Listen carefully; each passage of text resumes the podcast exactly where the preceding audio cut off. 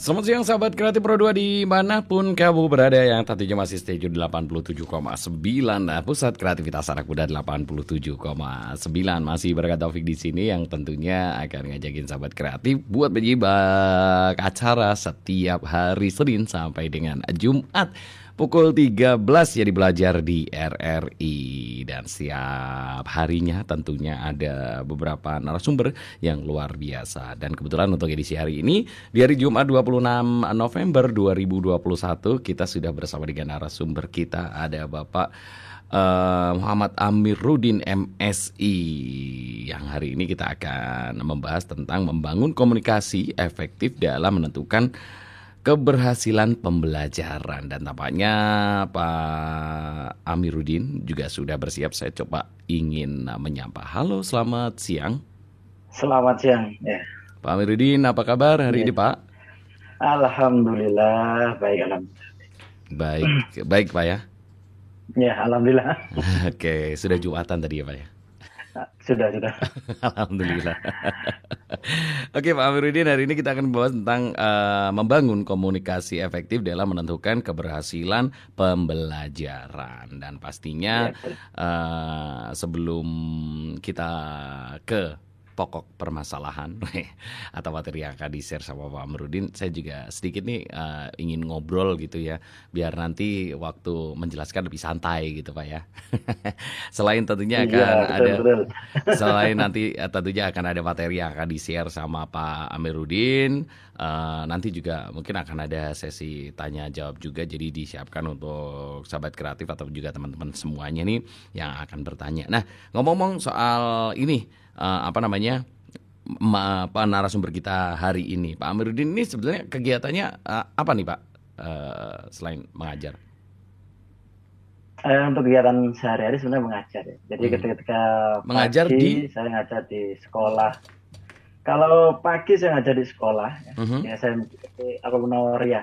ya. Kalau sore saya pindah ke ya kalau sore saya pindah ke kampus Institut Agama Islam Al Kolam Malang. Oh, Jadi kegiatan sehari-hari ya mengajar sebagai guru juga sebagai dosen. Wow. Jadi sedikit banyak saya mengalami tentang tentang ya kondisi anak baik itu tingkat SMP, ya, SMA dan juga tingkat anak kuliahan seperti itu. Oke, nah luar biasa sekali. Uh, uh, terus terus gini mas ya, untuk sekarang saya ini nggak nge-share materi ya, karena okay. kebetulan lupa saya laptop saya ada ada di sekolahan sehingga saya ada di rumah ini. Oke, okay. nggak apa-apa. Nanti kita lebih. Jadi nanti nanti ya. Berarti lebih ke sharing ya. gitu ya pak ya? Lebih bentuknya ke diskusi, ya. Oke. Okay.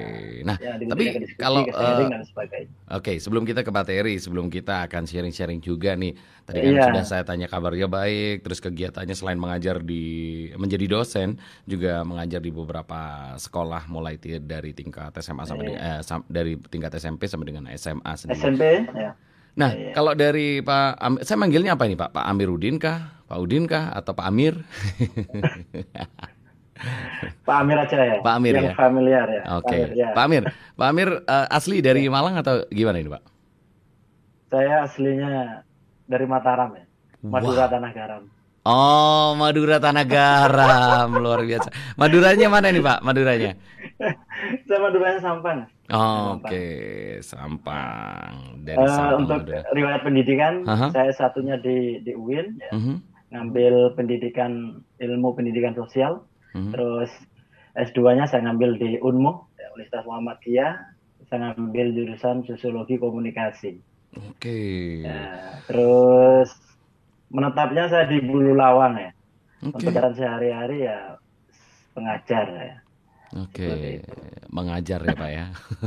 Wah luar biasa sekali. Berarti ya, datang ke Malang ini kan eh, pendidikan S1 ataupun juga S2-nya kan ada di Malang nih Pak. Berarti kurang lebih sudah berapa lama nih datang ke Malang Pak? Ya, saya datang ke Malang itu kalau kuliahnya itu mulai kuliah 2006 ya. 2006. Kalau datang ke Malangnya 2005. Jadi 2005 hmm. saya saya ikut-ikut ya ikut eh, saudara ya melihat-lihat dan sebagainya. Terus baru 2006 saya mendaftar kuliah. Ya, kebetulan kuliah satunya di UIN ya, mm-hmm. jurusan ilmu pendidikan sosial seperti itu.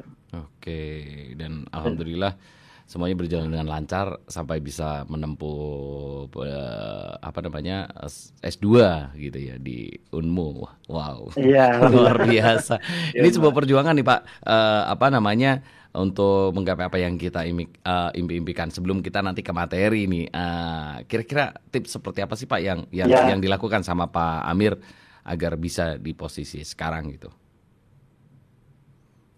ya sebenarnya semua itu bisa semua orang itu bisa meraih kesuksesan apabila punya keinginan ya kebetulan kalau saya ceritakan mungkin panjang ceritanya kuliah S1 itu biaya sendiri, S2 biaya sendiri. Wah, sehingga saya bisa seperti ini karena saya merasakan sendiri. Jadi kalau ada keinginan ya pasti akan uh, akan terlaksana. Jadi harus niatkan dulu keinginannya. Jadi ketika kalian mempunyai tujuan, keinginan, itu mantapkan keinginan. Setelah itu baru kita action. Setelah action itu mesti ada jalan. Okay. Seperti itu. Itu eh, kata-kata uh, dari saya. Wow, biasanya biasanya sih apa namanya biasanya kalau ya. setiap kali ada talk show itu kan biasanya tipsnya dikasihkan di uh, belakang gitu ya Pak sebagai closing statement. Tapi hari ini memang sengaja saya puter gitu ya. Tapi biar biar ini sih, maksudnya biar nanti yang nyimak materi kita juga sangat terins, uh, apa uh, terinspirasi dari cerita Pak Amir sendiri gitu karena memang yang namanya pendidikan ya. itu penting penting banget dan uh, terkadang memang pendidikan itu juga bisa menentukan apa yang menjadi keinginan kita dan nasib kita ke depan seperti itu. Wah, luar biasa sekali betul, nih kalau betul, mendengar betul. cerita Pak Amir S1 biaya sendiri, kemudian S2 biaya sendiri dan alhamdulillah sekarang sudah mendapat uh, apa ya amanah gitu ya Pak untuk uh, mencerdaskan uh, putra dan putri bangsa. ya betul. Oke, tapi sedikit nih Pak, sedikit nih sebelum kita ke materi ya sedikit. Nah, kalau menjadi ya. seorang dosen, seorang guru, apakah itu memang menjadi cita-cita Pak Udin, uh, Pak Amir uh, sejak lama, sejak kecil, atau dulu ada pernah ada cita-cita uh, sebelumnya gitu? Ya sebenarnya kalau dilihat dari eh, pengalaman dan juga keinginan saya dari kecil, saya tidak punya keinginan pandangan pengen jadi guru atau dosen. Mm -hmm. Karena saya dari SMA itu sudah punya keinginan menjadi seorang prajurit, bukan TNI, polisi. Wow. dulu pernah pengalaman, ya, dulu pernah pengalaman daftar ya, uh -huh. daftar jadi uh, daftar lewat uh, siswa di sekolah itu kan dulu ketika kelas 3 ada pendaftaran uh, Polri ya, polisi mm -hmm. itu. Saya alhamdulillah masuk ya di, tiga kali ya itu ikut tes, alhamdulillah masuk dalam tahap-tahap tes seleksinya. Mm -hmm. gagalnya itu di di wilayah, ya. karena okay. di Madura itu kan ada empat ada empat kabupaten, terus wilayahnya itu kotanya itu ada di Pamekasan. Nah di situnya saya gagal. Mm -hmm. Udah, mungkin bukan rezekinya. Mm -hmm. nah, terus kebetulan ya namanya cita-cita tidak tersampaikan, kecewa mesti ada. Mm -hmm. Ya, saya, saya sekolah di UIN itu saya didaftarin oleh guru saya untuk uh, meredam kecewaan saya karena hmm. cita-cita saya tidak tersampaikan. Hmm. Saya tidak tahu saya didaftarkan hanya ketika saya diterima kan kebetulan jalur PMDK ya, hmm. jalur prestasi. Ketika diterima saya diinformasikan uh, sama guru saya, Mir kamu diterima di UIN. UIN itu apa dan sebagainya karena saya kurang paham seperti hmm. itu. Hmm. Akhirnya ya udah ketimbang saya nganggur akhirnya saya ambil aja kuliah di UIN itu. Oke. Okay. Hanya alhamdulillah ya berjalannya waktu setelah lulus S1 nikah setelah itu dua tahun saya kuliah dengan tekad ya mm-hmm. karena namanya berumah tangga hidup sendiri dalam arti udah mandiri tangga, gitu ya ya mandiri ya pokoknya niat lah niatnya mm. utlubul ilmi niatnya menuntut ilmu akhirnya ada jalan wow. alhamdulillah lulus ya walaupun penuh dengan tantangan ya. Penuh dengan tantangan dan berdarah-darah kalau kata anak zaman sekarang gitu ya Pak ya. Iya. Oke oke oke. Nah ini cukup menginspirasi sekali gitu eh, bahwa ternyata kekecewaan itu ketika kita uh, bisa move on kalau anak zaman sekarang mengatakan kan move on gitu ya. Iya, Dari betul, rasa betul. kecewa itu dengan mungkin menyadarkan diri kita bahwa mungkin apa yang kita cita-citakan, apa yang kita inginkan itu tidak sejalan dengan uh, kondisi kehidupan, pasti akan ada jalan yeah. lain dan dan dan ini juga uh, menurut saya sebuah pro, uh, menjadi seorang guru ataupun dosen itu menjadi profesi yang luar biasa selain menjadi prajurit ini juga mengabdi untuk masyarakat. Ternyata jadi guru ini juga wow Bahkan ada yang bilang pahlawan tanpa tanda jasa dan kemarin kita juga uh, baru saja memperingati Hari Guru gitu kan. Ini iya, juga iya, sangat iya. luar biasa sekali. Kita tidak bisa membayangkan bagaimana seandainya dunia ini tanpa seorang guru ataupun dosen seperti Pak Amir ini. Wow, betul, luar betul, biasa betul. sekali pokoknya Pak Amir. Cukup menginspirasi ya buat saya dan mungkin buat sahabat kreatif yang uh, lagi nonton tayangan kita atau lagi mendengarkan kita. Oke deh, kita akan langsung ke topik yakni membangun komunikasi efektif dalam menentukan keberhasilan pembelajaran. Mungkin bisa langsung dimulai Pak, nanti kita akan buka sesi tanya jawab ataupun juga diskusi. Silahkan Pak Amir. Oke, terima kasih atas waktunya.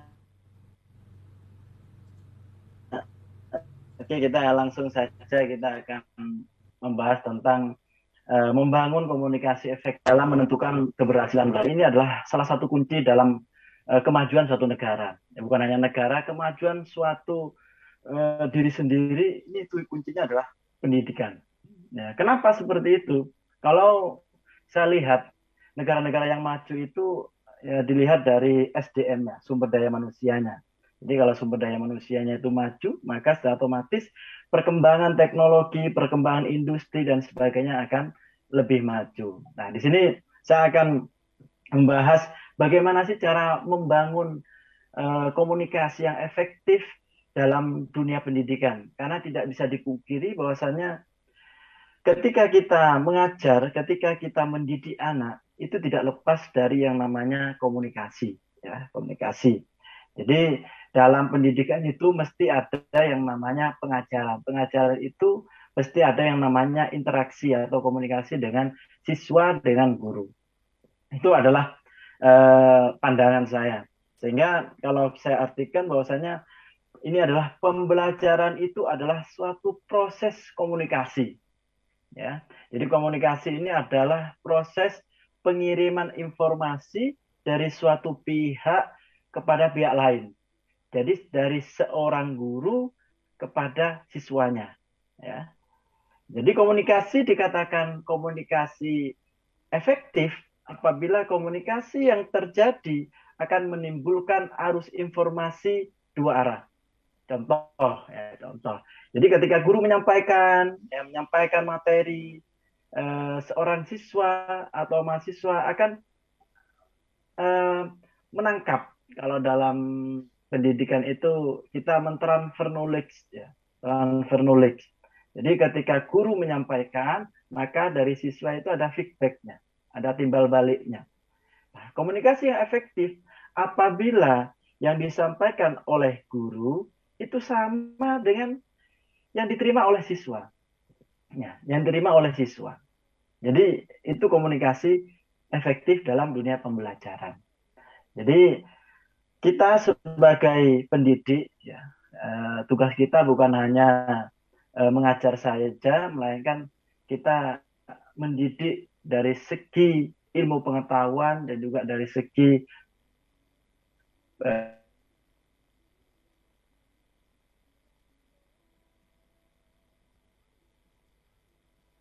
perilaku ya, dan sebagainya. Karena tugasnya seorang guru itu karakter anak bangsa seperti itu.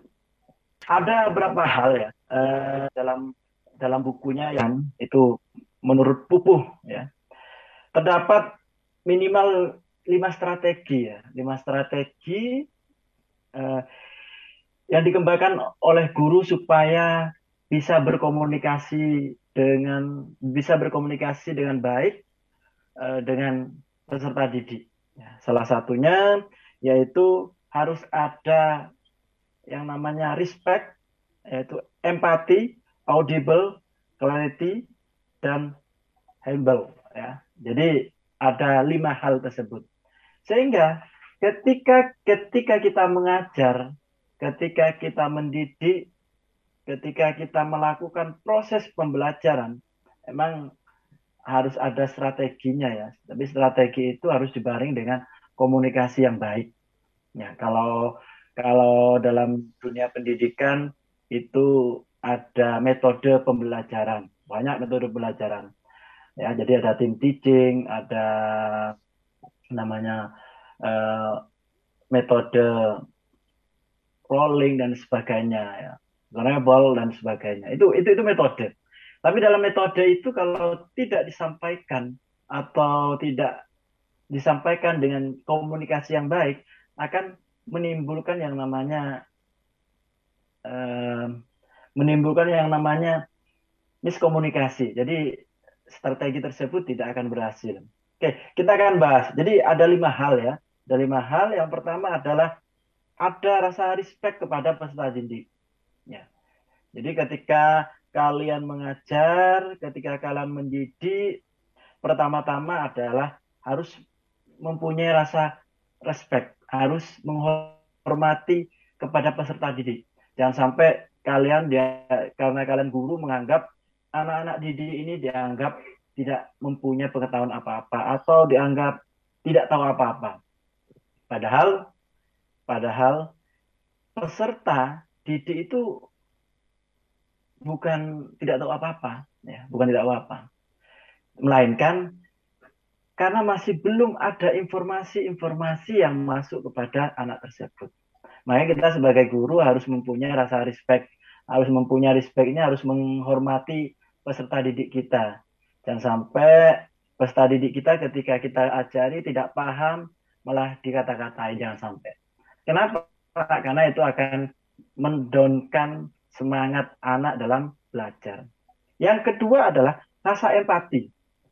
Ketika kita bisa uh, melihat kondisi kondisi anak, contoh kondisi anak lagi sedih, uh, kita harus menyemangati anak sebelum kita mengajari anak tersebut ya jadi kalau dalam hmm, pendidikan itu harus ada breathingnya harus ada uh, semangatnya dulu karena anak itu kalau belajar tidak semangat maka penangkapan uh, dari anak itu berkurang makanya kita harus mempunyai rasa empati ya empati ini kita harus lihat kondisi yang dihadapi oleh anak. Ketika itu sudah selesai, ketika kita sudah bisa e, merasakan atau bisa memahami e, kondisi anak, maka ketika kita berbicara, maka e, komunikasi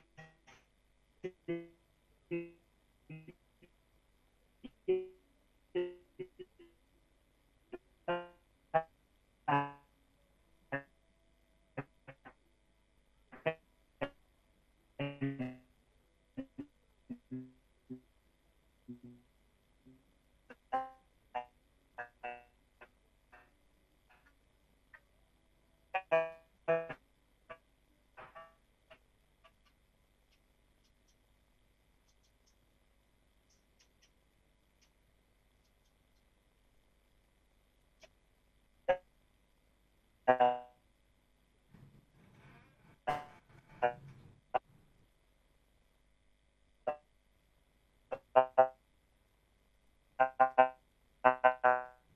sahabat kreatif memang kayaknya sinyalnya agak uh, susah nih Pak. Halo, Pak Amir. Pak Amir.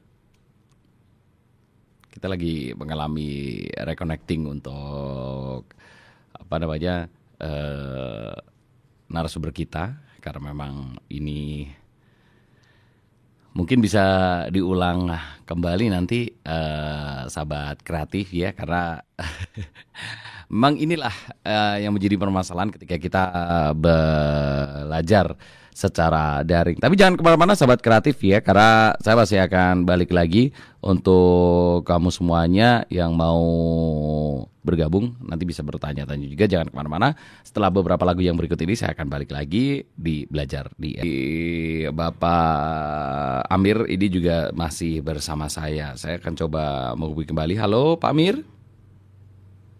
Halo? Halo Pak Amir? Hah?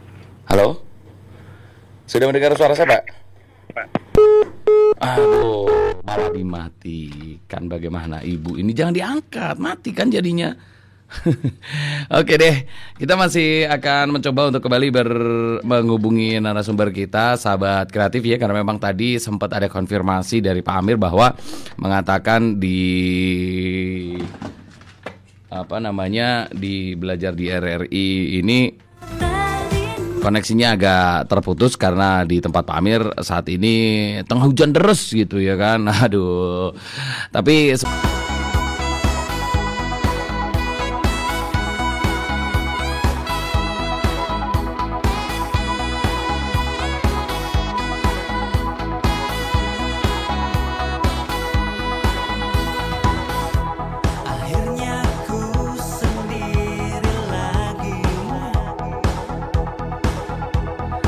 Oke sahabat kreatif saya sudah terhubung kembali nih dengan Pak Amir. Halo Pak Amir. Halo. Oke, mohon maaf nih Pak ya, agak ini apa namanya agak terputus-putus gitu ya. Iya, ini Enggak. hujan terus soalnya di sini. Oh lah, semoga uh, semuanya baik-baik aja Pak ya meskipun hujan terus. iya. ya inilah inilah salah satu fungsi dari komunikasi gitu ya Pak ya, karena betul, ketika komunikasi betul. terpotong akhirnya apa yang disampaikan jadi nggak nggak nggak nggak maksimal, kita nggak bisa menangkap 100%. Mungkin tadi uh, sampai mana ya tadi? Sampai lima unsur dalam sebuah komunikasi tadi kalau nggak salah kepotongnya waktu itu. Mungkin bisa diulang kembali nih Pak. Ya, terima kasih Silakan. waktunya. Mohon maaf. Iya, mohon maaf Pak. Karena Oke, uh, kita lanjut. Jadi dalam dalam dunia pendidikan kita butuh yang namanya komunikasi. Ya. Ketika kita mengajar, kita butuh komunikasi yang baik supaya apa yang kita sampaikan kepada siswa itu bisa tersampaikan secara maksimal. Nah, karena ketika kita mengajar anak ya. Kita mengajar siswa kita mengajar mahasiswa. Komunikasi kita tidak efektif maka apa yang kita sampaikan tersebut tidak dicerna tidak disampaikan kepada peserta didik kita. Makanya itu ada beberapa hal ya yang perlu eh, yang perlu dilakukan oleh seorang empati kepada peserta didik. Terus yang ketiga adalah rasa audible eh, yang ketiga adalah clarity jelas. Ya. Yang kelima adalah humble atau rendah hati. Ini adalah tiga sifat inilah ya. Setelah uh, inilah yang uh, harus kita tanami dalam kita dunia. Tapi dalam dunia pendidikan, dari pendidikan kita harus menghormati yang namanya siswa. Karena siswa ini adalah uh, bukan bukan benda, melainkan manusia yang harus kita hormati juga. Sehingga ketika kita menghormati siswa, maka kita seorang siswa. Sehingga ketika kita menjelaskan sesuatu, siswa mendengarkan dengan baik, maka apa yang kita sampaikan akan dicerna dengan baik oleh siswa. Maka proses transfer knowledge dari guru kepada siswa itu akan tersampaikan dengan baik. Ya, itu tentang respect. Yang kedua adalah empati, rasa empati. Rasa empati ini harus mempunyai, harus dipunyai seorang guru. Seperti apa? Contoh ya. Jadi rasa empati ini adalah rasa kemampuan kita untuk menempatkan diri kita pada situasi atau kondisi yang dihadapi oleh orang lain atau yang dihadapi oleh siswa. Ketika siswa kita ngantuk, ketika siswa kita mempunyai masalah, ketika siswa Nah, Bible ini adalah uh, ketika ada yang uh, kurang jelas karena duduk di belakang, maka seorang guru harus suaranya keras, ya, suaranya keras, ya, sehingga apa yang disampaikan itu uh, didengar, dilakukan oleh seorang guru kepada siswa supaya komunikasinya efektif dalam dunia pembelajaran, yaitu adalah humble yaitu artinya mempunyai tersebut kita terapkan dalam dunia e, pendidikan dalam proses pengajaran maka proses belajar mengajar maka akan terlaksana dengan baik. E, diterapkan dalam dunia pendidikan supaya seorang guru e, seorang pengajar bisa bisa bisa melaksanakannya bisa menerang guru itu ngasih stimulus maka seorang siswa akan bergerak seperti itu. Ya, seperti itu e, penyampaian dari saya tentang tentang uh, materi di kesempatan siang hari ini bisa juga bergabung di line WhatsApp kita di 081 879. Balik lagi Pak uh, tentang membangun komunikasi yang efektif dalam bentuk pembelajaran itu ada namanya metode. Mm -hmm. Metode itu cara supaya uh, materi yang kita sampaikan itu bisa tersampaikan kepada anak. Nah, itu itu itu adalah metode pembelajaran. Banyak caranya tergantung materinya. Mm-hmm. Tapi yang saya sampaikan di sini adalah ini ini secara umum, secara umum. Okay. Karena secara umum, karena sebelum kita menerapkan uh, strategi tersebut, seyogyanya seorang guru dengan siswa ini harus siap. Dalam arti udah siap. Uh, seorang guru siap menyampaikan materi, seorang siswa siap menerima materi yang disampaikan oleh seorang guru. Uh, jadi kalau seorang guru belum siap, seorang siswa belum siap, maka percuma. Mm-hmm. Jadi karena sesungguhnya eh, pengajaran ini adalah komunikasi ilmu pengetahuan yang disampaikan siswa. Ya. Jadi ketika komunikasi ini ibaratkan eh, tidak ada feedback karena siswanya kan memandu semangat anak untuk untuk tidak ngantuk dan sebagainya. Kalau melihat itu anak masih ngantuk, ya makanya kita harus e, melakukan pendekatan, ya, pendekatan secara secara deduktif, ya, pendekatan secara ya personal seperti itu. Jadi ditanya kenapa nak, nama oh anu pak, oh ya, oke untuk sekarang mungkin kita bisa cerita atau sharing sesuai dengan materi ya. E, kalau ngajar tentang tentang sejarah, mungkin cerita tentang kode supaya anak tidak bosan. Ya tapi sebelum metode itu diterapkan, maka harus membangun kondisi anak. Harus ibaratkan sebelum kita lari pemanasan dulu lah, kan seperti itu. Stretching ya, ya Pak ya? Ya, stretching. Jadi seperti itu. Jadi yang saya sampaikan lima tadi itu eh, awal ya, supaya siswa itu siap menerima ilmu pengetahuan ya, yang disampaikan oleh seorang guru. Ya, mungkin itu Mas Oke, jadi memang banyak sekali nih metode-metode yang bisa digunakan untuk uh, proses belajar mengajar seperti itu ya Pak ya. Tapi kalau ya, dari kalau dari Pak Amir, tipikal orang yang gimana? Biasanya pakai ice breakingnya itu yang lucu-lucu ataukah yang tegang-tegang gitu? Eh, kalau kalau saya sebenarnya karena kebetulan kalau sekolah, kalau sekolah saya kan sekolahnya di pondok. Pondok mm -hmm. itu kegiatannya sangat banyak ya ya dari jam okay. atau ngasih setelah itu ngasih motivasi oke okay. dalam, arti tujuan sekolah ini apa ya, terus kasih motivasi kasihan orang tuanya dan sebagainya ya karena anak itu harus harus dibawa benar ketika anak itu sudah terbawa dengan kita kita itu akan enak membawa anak mau jauh ke mana mm -hmm. kita akan akan enak anak ini mau saya arahkan ke mana seperti itu jadi uh, kita harus tahu kondisi anak tersebut. Capek. Emang ya, ya capek. Emang anak saya kan ngajar di pondok, jadi pokoknya jam uh, setelah duhur itu anak-anak ngantuk itu.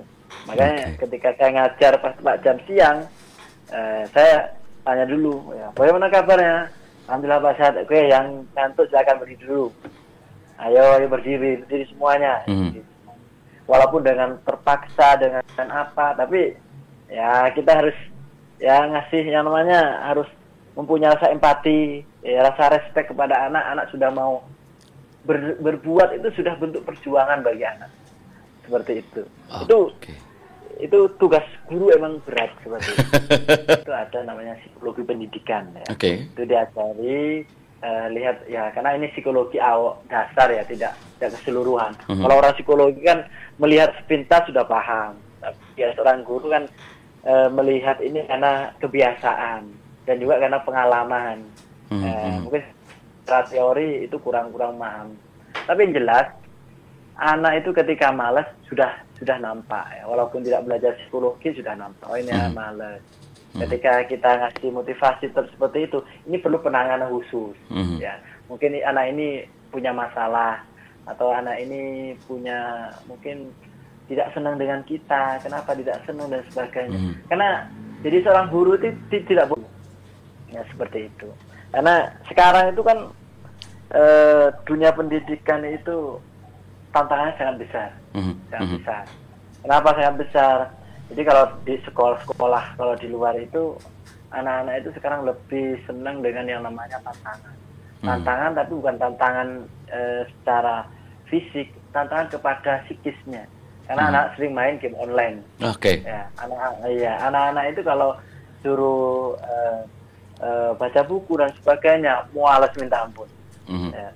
Makanya butuh yang namanya apa itu namanya hukuman ya. Hmm. Hukuman dalam arti kalau tidak baca Oke, okay.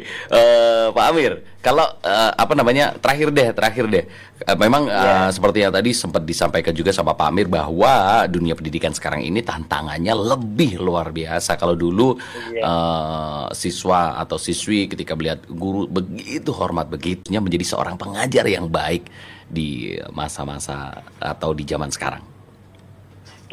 Terima kasih. Sebenarnya ini juga yo apa namanya keluhan bagi seorang guru banyak ya.